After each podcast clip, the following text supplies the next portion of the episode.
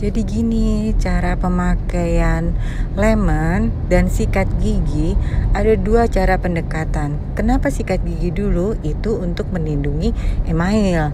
Jadi kalau saya sih usul sikat gigi dulu baru minum lemon. Tapi ada juga yang merasa giginya udah kuat, dia kasih langsung lemon tapi sesudahnya sikat gigi. Kenapa harus menunggu 30 menit? Karena emailnya lagi diberantakin oleh lemon. Kalau dia langsung sikat gigi, ambiar tuh gigi jadi nenek-nenek. experience.